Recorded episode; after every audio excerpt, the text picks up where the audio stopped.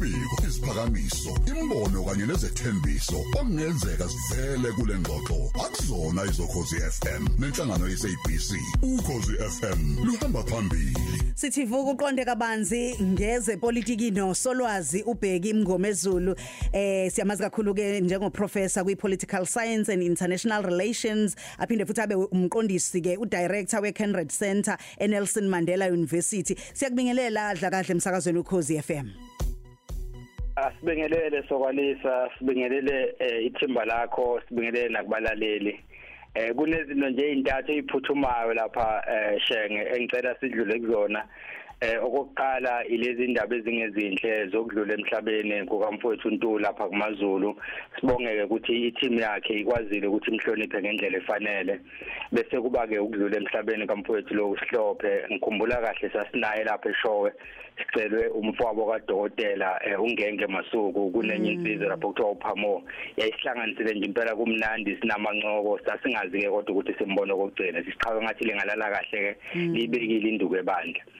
Bese ke mndoza kuba ukuthi njoba ziqhubeka ivivinyo zakwamate uletsheni umuntu afisele nje bonke laba ababhalayo ukuthi ngathi abafowethu nodadewethu bangabhala kahle ngoba yibona abantu abasiphathele ikusasa njoba kade usho nje ekuqaleni kohlelo sibafisela nje okuhle konke. Nami ke ngeyinyanga edlule ngeke ngalapha evela ngaye okuyisikole esibaleke kakhulu ngoba safundisa isihloko sami segazi eh ubathe eh lapha kunensizwa ephethe lesasikole umphemba untuli babecelileke ukuthi ngiyokhulumisana nabafundi lapho umuntu ebagqugquzela engakunqoma kakhulu ke kumphemba ukuthi wenza into engavamile ukwenzeka. Wabiza udokotela ungoke mahaye oke waba umphathwa lesasikole isikhathi eside. Into engavamile leyo ukuthi uthisha omkhulu olandelayo abize uthisha omkhulu eh okuyena okade ephethe isikole. Into ke enhle ofanele ishayile ihlombe leya. Ngaphatheka kahle ke mroza kangangokuthi ngadla inyama ngaze nganikezwa ne take away. Ayenzeki ke kunoma ubani leyo nto leyo. Eh kufanele ukuthi ube ubhekwa kwamngomezulu wasengwavuma ukuze eh, uthole amathamsanqa nje. Ngigcine ke ngokuthi umuntu ahalalisele eh, iSundowns ngokuwina le le African Football League. Hayi ngoba mhlawumbe isupportwa umpostoli umzukulu wami eMWMN nosibale wami into zakhe emkhumane kodwa ngoba kade bemele iningizimu Afrika. Lokho kunye ukushiwo ngothulani velane nolindani nyawo lokuthi kukhona umdlalo kade udlalwe eSoweto hayi angitholakalanga ngoba umngane wami uSplash kwakhumalo uthe angosheshe ngidle ngomgqibelo ngoba ngenzeka inhliziyo yami ibe ne load shedding angikwazanga ukudla ngempela inhliziyo yami aba ne load shedding ngagcina ngawubukanga lo mdlalo lo. Angazi ukuthi kwenzakalani kodwa uma ngizwa kuthiwa khona isikhalo esifakiwe kwiFIFA eh ukuthi kukhona iqembu eh, elihlekise ngelinye iqembu kangangokuthi udaba luyafakwa lapho ukuthi akwazi ukuthi ungehlula iqembu kukhona upresident weFIFA nopresident weCAF khona ke icala lisazongena. Angazi ukuthi mapha amaqembu ngoba kade ngekho eduze eh shenge hayi kulungile. Siyibambe nje kanjalo kusho ukuthi kona izoqhubeka ngoba kusho ukuthi istory esidevelopayo kulungile. Yeah kunjalo impela shenge kunjalo. Sokwane zakadla ye nayi indaba la. Eh ngiyazi ukuthi kumatasatasa manje 2024 useduzane kuningi okwenzakalayo. Kubaleke kubaleke ngani nje ukuthi amaqembu ezombusazwe avumelane ngemigomo yokubusa ngokubambisana? Eh kubaleke kakhulu shenge sizokhumbula ukuthi kuyimanje kunospa kunomasipala abangemile kahle ngenxa yokubusa ngokubambisana. Amaqembu afika avumelana namhlanje kusasa acule linye iculo.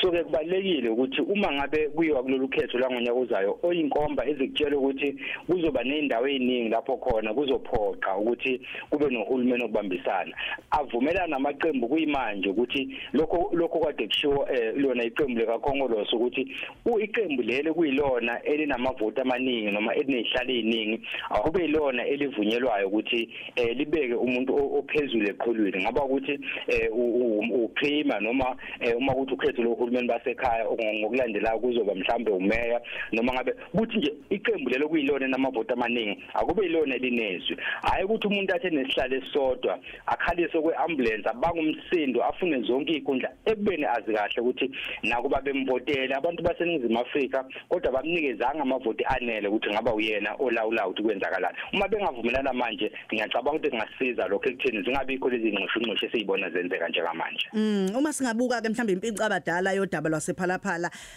inamuphi umthelela esizweni sonke kwiningizimu Afrika? Mhlawumbe nje nangaphandle kwamanye amazwe ke abuka la eningizimu Afrika. No yabona lento yasephalaphala eh, shenge ngeke ngakuveza ukuthi ifana noanyanisi. Uma uthi uyawuhluba uya ngokuya unuka. Okusho ukuthi ngenye indlela uma ulandela lolu daba njalo uma kukhona okwenzekayo kuba khona imibuzo evelayo. Sizwele ukuthi kukhona ababili ababanjiwe bebanjela udaba lwasephalaphala kwathiwa khona omunye osazobanjwa. Kamuva ngempela wagcina sebanjiwe naye. Okusho ukuthi sebathatha abantu ababanjela udaba lwasephalaphala. Ngeke ngathi uma ngikhuluma nomunye ngempela sonto angibuza umbuzo engehlulekile nami ukuphendula. Ukuthi laba abathathu okuthiwa bayovela enkantolo bamangalele ubani ngoba phela kufanele kube nomangali bese ba nomuntu ke ovikayo kavikele ukuthi cha leli cala engibekwa lona ngilazi. Eminye imibuzo ke sazophenduleka kodwa nje ukuphendula umbuzo wakho ngoshenge ukuthi okokuqala lento le eh, isithunzi sika mongameli isicekela phansi ngoba lu daba losephalaphala luthinta umengameli ngqo. Okusho ukuthi isithunzi sika mongameli sicekeleka phansi angaphumelela ngakwezomthetho kodwa ngakwezombusazwe isithunzi sakhe sonakele futhi angiboni ukuthi siyolunga ngalo daba losephalaphala ngoba ngisho esaphuma ekubeni umengameli we-ANC nasekubeni mengameli wezwe. Lento iyolokhu imlandele njalo. Bese okwesibili kululaza isithunzi sikakhongolose ngoba njengamanje umengameli uyena ophethe noma ohola iqembu likakhongolose. Isithunzi seqembu ke siyalimala. Okwesithathu nokugcina kulimaza izwe izwe lonkana ngoba uma kuthiwa iningizimu Afrika esebenzisana namanye amazwe angaphandle bazozibuza ukuthi sosebenzisana kanjani nezwe lapho khona umengameli ethinteka udabeni lo kanje emva kwalokho inhlaka zikahulumeni zithi akanacala abasephalamende basebenzisa izibalo zabo kumvikela ngokumvikela bayamsiza ukuthi aqhubeke bese sihlalweni kodwa ke isithunzi sakhe nesithunzi sezwe siyaciceleka phansi ngisho nesithunzi sephalamende sicekeleka phansi ngoba phela izinqumo ezithathwa ephalamende kufana nokuthi zithathwe yizwe. Ngaleyo ndlela ngiyacabanga kulolu daba lusazoqhubeka nje lube ngundabuze kwayo noma ngabe kuthume ngamele ugcina iphumelele njengoba bethi akanacala bonke ogcaleka nabo bonke bethi akanacala kodwa iqiniso lithi umlando awuyikumahlulela ngendlela ejabulisayo ngenxa lodaba lwasephalaphala. Lungaba yini mhlambe eh, ingcindezi uma kiwa okhethweni? Na kanjani luzoba incindezi ngoba phela ngithi umengameli uthi uma ngabe ngena wathi yena uzolungisa yonke into eyonakala eminyakeni esishaga lolunye kusaphethe lo amlandele eh, umsholozi. Imibuzo engayibuza ke ngenhlanhla ke kune general article engibhale ngizokuthumelela yona mroza. Mm. lapho engibhala khona ukuthi umengameli wethu Cyril Ramaphosa nomengameli waseZimbabwe Emmerson Mnangagwa bakhohlisa umhlaba uma bethi bazolungisa izinkinga ezoniwa woza kwabo umengameli Robert Mugabe wase eZimbabwe ongasekho nomengameli uJacob Zuma eh, ongaphethe njengamanje. Ukuthi babe kuphi bona? Ngoba yibona babe ababe ngosekela mongameli emaqenjini abo yibona babe ngosekela mongameli esizweni. Ngokwaseningizimu Afrika uma usekela mongameli we leader of government business wena ohola yonke into enzeka enzeka ku government okusho uma kukhona into engahambi kahle umsolo wokuqala wena umsolo wesibili umengameli. Okusho ukuthi kunezinto eziningi abangazikhulumanga kahle ezingabanga iqiniso ukuthi uma ngabe bethatha basethembisa izulu nemhlaba baze basethembisa neNewton ngicabanga ukuthi ke mhlambe ngwavuma iNewton if isikhathi esihambile ngoba kuze kube manje angakayiboni. Ngiyacabanga ukuthi mhlambe lezo impendulo umuntu ogcine itholile hayi ngelila ngiyophinde usicathulise nje usingenise eclassini indaba umuthinta indaba yomso ukuthi udeputy umsolo wokuqala umongameli umsolo wesibili kodwa ngelinye ilanga uyosicathulisa nje usitshela ukuthi konke lokho mhlambe kusekwenzeka kanjani. Eh ngoba ngicanti hayi into eh, abantu abaningi ngiyabona la la inkundleni zokuxhumana bayafisa abantu ukufunda. Eh, kuyasijabulisa kakhulu ukuthi siyafunda kuyivuka Africa Breakfast so sifundani ke manje ngokubulawa kosombusazwe?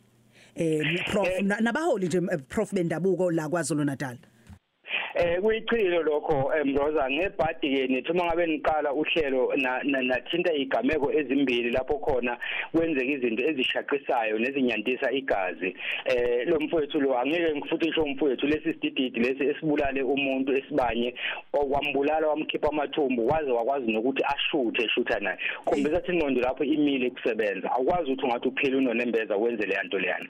Bese kuba ke lona omunye lona eh, obonakele naye e, e, egwaza umuntu wesifazane. Kanjani eh kubuka wonke umuntu okhombisa ngokusobala ukuthi lento ekuthiwa ukuduma abantu abazi ukuthi kusho ukuthini. Uma uhlukanisa khona ukuduma kabi khona ukuduma kahle. Badumile yebo ngoba sikhuluma ngabo kodwa badume kabi. Sikubuyiseke lokho kulento eyenzeke esifundazweni sethu ichilo ngoba uma uzobheka ukuthi abaholi bendabuko ngaba ukuthi amakhosi noma induna babulawa mihla le. Enakutholakala ukuthi obana benza yonke lento le. Kube abaholi bethu bezombusazwe babulawa ngapha nangapha. Kwesinye isikhathi umkhonto ugwaze ekhaya kwesinye isikhathi babulawe izimbangi zabo kwezombusazwe. Kodwa iqiniso elikhona ke mroza lapho kungiphatha kabi ngoba isifundazwe sethu esihamba phambili ngezibalo zokubulawa kwabantu. Okuzokwenza kube nzima uheha abatshali beimali uma ngaba abantu bebulawa ngendlela ababulawa ngayo. Ubulala sopolitiki ubulala abaholi bendabuko okuyibona abantu abamgogodla ukusimama kwesifundazwe. Lokho ke ukutshela ngokusobala ukuthi izwe lethu liya ehlathini makanje. Nebhadi ke inhlaka zethu zezomthetho azisheshi ukusukuma zithole ukuthi imbangela ngabe yini. Ngeke kuphele iminyaka eyishumi nesihlanu singatholi isixazululo ukuthi yini le eyenza abantu babulawe kanje. Okusho ukuthi ngenye indlela kuzogcina kuba nezinsolo ukuthi kungenzeke yini ukuthi abanye balabantu ofanele ngabasitholela ixazululo kunolwazi abanalo esingenalo thina olwenza ukuthi kube nzima kube madolo nzima ukuthi basukumele lo daba kodwa nje lilonke dadewethu hayi akwehli kahle impela. Ngale kokuthi isifundazwe sami saKwaZulu Natal iningizimu Afrika lesikhuluma ngayo imphefumulo yabantu lesikhuluma ngayo kuneyintandane ezisalayo ngenxa yalento iqhubekayo ukubulawa kosopolitiki kanye nabaholi bendabuko okuyibona abantu abasiphathele izwe. Sibonga kakhulu Prof. Ngiyazi ukuthi ke kuningi okusuke kusesenhlizweni yakho kodwa ke nokulandelayo futhi sokwazi ukuthi siphinde sixoxe kabanzi. Sibonga kakhulu nje ukuthi usinikeze indlela ukuba siyiqonde ipolitiki ngolimi lwethu esiliqonda kangcono nangendlela thina sizokwazi ukuthi uyakwazi ukusibona ukuthi uma ngiyibeka kanje bazokwazi ukusheshe bayibambe. Asibonga kakhulu sokwalesa sibonge nje nethuba umuntu anikezwa lona ukuthi sifundisane njengesizwe. Akekho umuntu owazi yonke into shenge kodwa sifunda ngokuthi isixoxe sisonke ubeke uvo lwakho ngibeke uvo lwami siqhubeke siye phambili. Asibonga kakhulu ngathi ngaba neviki elihle wena nabalaleli bakho kanye nozakwena kulungile bajabula abantu basengwavuma bezindodana yabi ikhuluma kanje. Hey majabu asibonge kuleyo ndawo kulungile.